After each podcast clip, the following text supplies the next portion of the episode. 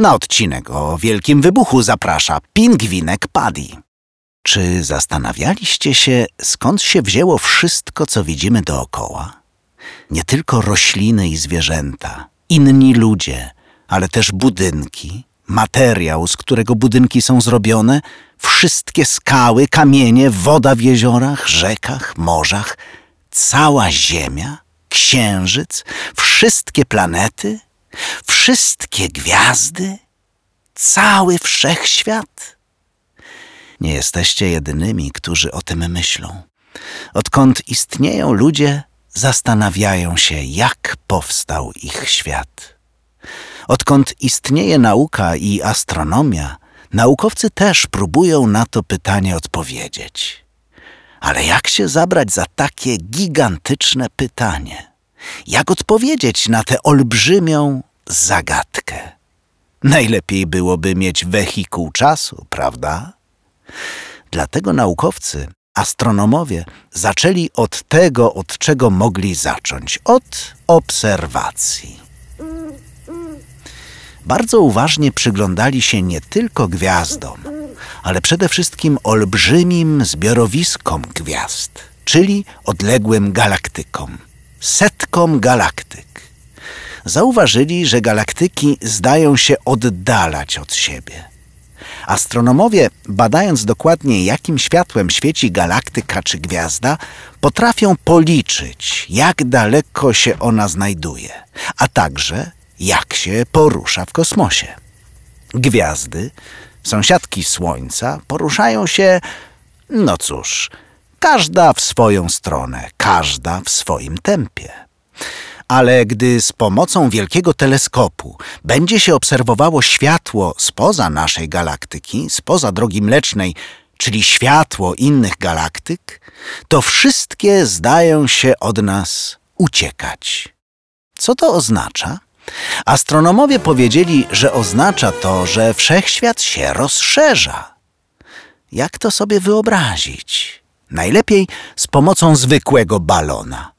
Wystarczy, że na nienapompowanym balonie narysujecie dwie galaktyki, dwie gwiazdy albo dwie uśmiechnięte buźki, a następnie zaczniecie go nadmuchiwać.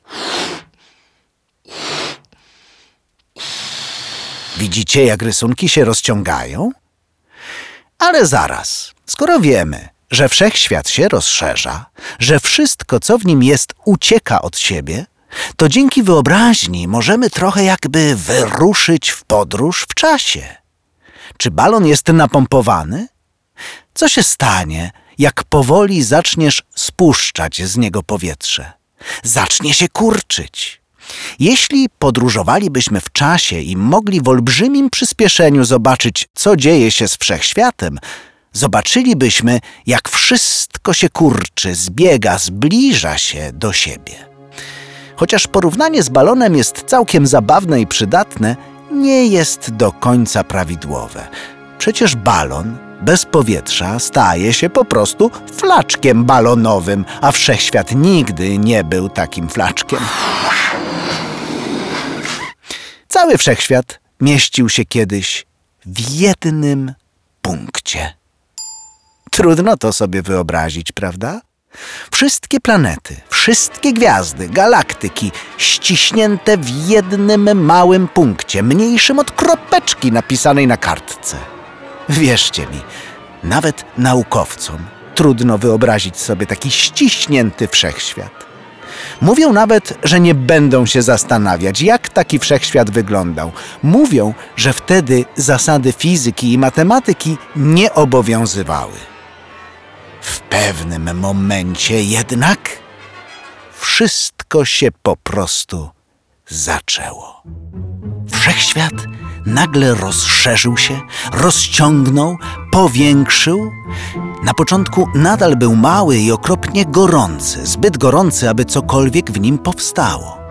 W miarę jak się rozszerzał, to ostudzał się, aż mogły powstać pierwsze rzeczy. Cały wszechświat wypełniony był gorącym helem. I wiecie, co dziwnego działo się z tym gazem, z helem? Zaczął się zagęszczać. Trochę tu, trochę tam. w rozciągniętym wszechświecie zaczęły działać prawa fizyki i matematyki. Te wszystkie zasady, które dzisiaj znamy. Działała już grawitacja.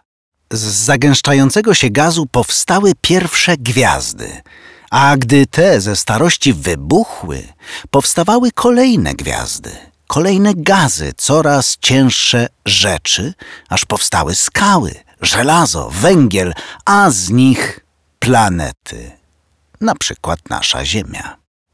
Ten moment, w którym wszystko się zaczęło, nazwano wielkim rozszerzaniem albo, używając trudniejszych słów, wielką ekspansją. A dziś mówimy na to wielki wybuch.